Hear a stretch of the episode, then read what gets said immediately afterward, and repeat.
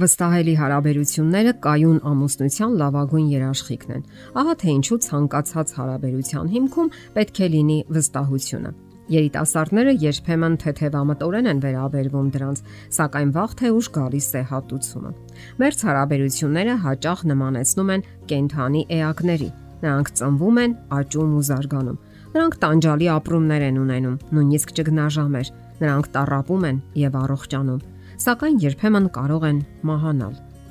Իսկ երիտասարդական հարաբերություններում կարևոր է հասկանալ, թե ինչ աստիճանի մերձությունն է անվտանգ եւ ինչպես կառուցել հուսալի ու վստահելի հարաբերություններ։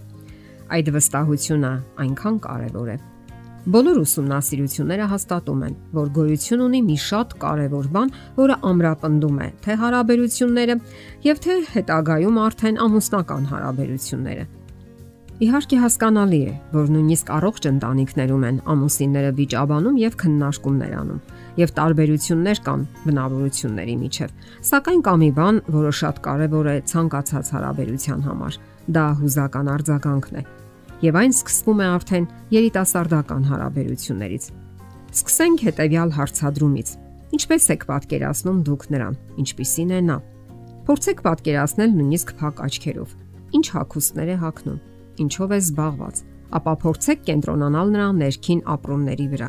Իսկ հիմա վերլուծեք ձեր հարաբերությունները եւ ձեզ հարցրեք. Ես կարող եմ վստահել եւ ապավինել նրան։ Հետո մտովի հարցրեք նրան. Եթե ես կարիքի մեջ լինեմ եւ դիմեմ ձեզ, կգաք ինձ օգնության։ Արդյոք ես առաջին տեղում եմ քեզ համար։ Դուք պատկերացնում եք պատասխանը։ Ինչպիսին կլինի ձեր առաջին արձագանքը։ Եթե դուք մտովի պատասխանում եք այո, ապա ձեր հարաբերությունները ճիշտ վիճակում են։ Եթե կասկածներ ունեք, ապա հարկավոր է կենտրոնանալ հարաբերությունների վրա եւ փորձել հասկանալ դրանք։ Դա իսկ եթե պատասխանը ոչ է, ապա հարաբերությունները հարկավոր է վերանայել։ Հարաբերությունների համար շատ կարևոր է հուզական կապը, արձագանքները։ Ինչպես է արձագանքում նա ձեր հույզերին։ Հասկանում է արդյոք դրանք եւ դրանց կարեւորությունը ձեզ համար։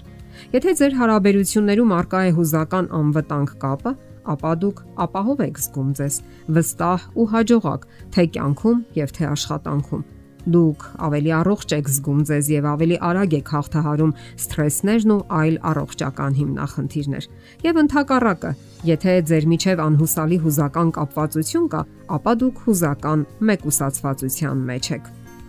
Երկու անգամ ավելի մեծ է հավանականությունն այն բանի, որ դուք կտարապեք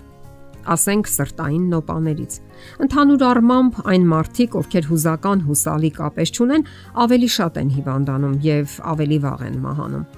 Վստահելի կապվածությունը երբեմն անվանում են ռեզինային։ Դա ցույց է տալիս զույգի հարաբերությունների ճկունությունը, կայունությունն ու հուսալիությունը։ Այդպիսի կապը հնարավորություն է տալիս մեկ մոտենալու, մեկ հեռանալու, Այն հնարավորություն է տալիս լինել միասին եւ միևնույն ժամանակ տարբեր։ Այն նման է парի, որի ժամանակ զույգը մեկ բռնում է միմյանց ձեռքից եւ գրկախառնվում, իսկ մյուս պահին անջատվում։ Այդպիսի հարաբերություններում կարելի է շնչել եւ միևնույն ժամանակ դուք միայնակ չեք։ Այդպիսի հարաբերությունները բավականաչափ կայուն են եւ կարող են դիմանալ բազմաթիվ ծանրաբեռնվածությունների, ինչպես օրինակ երեխաների հայտնվելը ընտանիքում, աշխատանքի փոփոխությունը, բնակավայրի փոփոխությունը եւ այլ անսպասելի կենսական հարվածներ։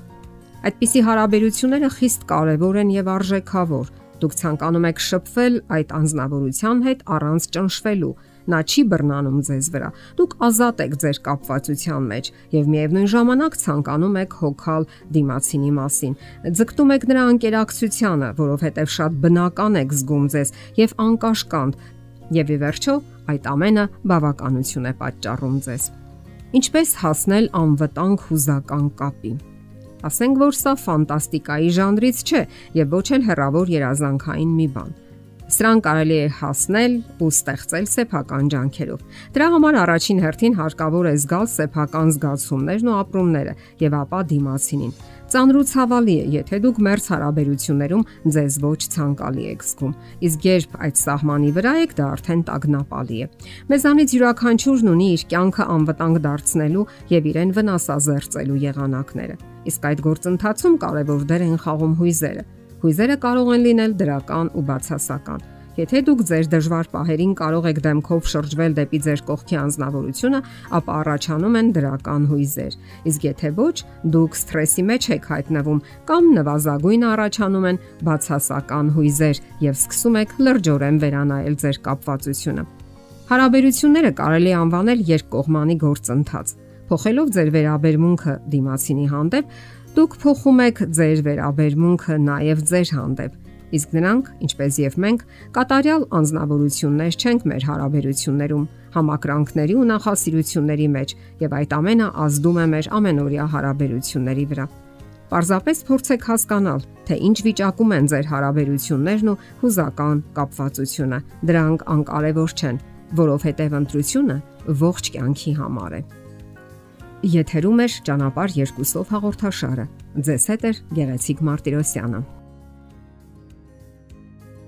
Հարցերի եւ առաջարկությունների համար զանգահարել 033 87 87 87 հեռախոսահամարով։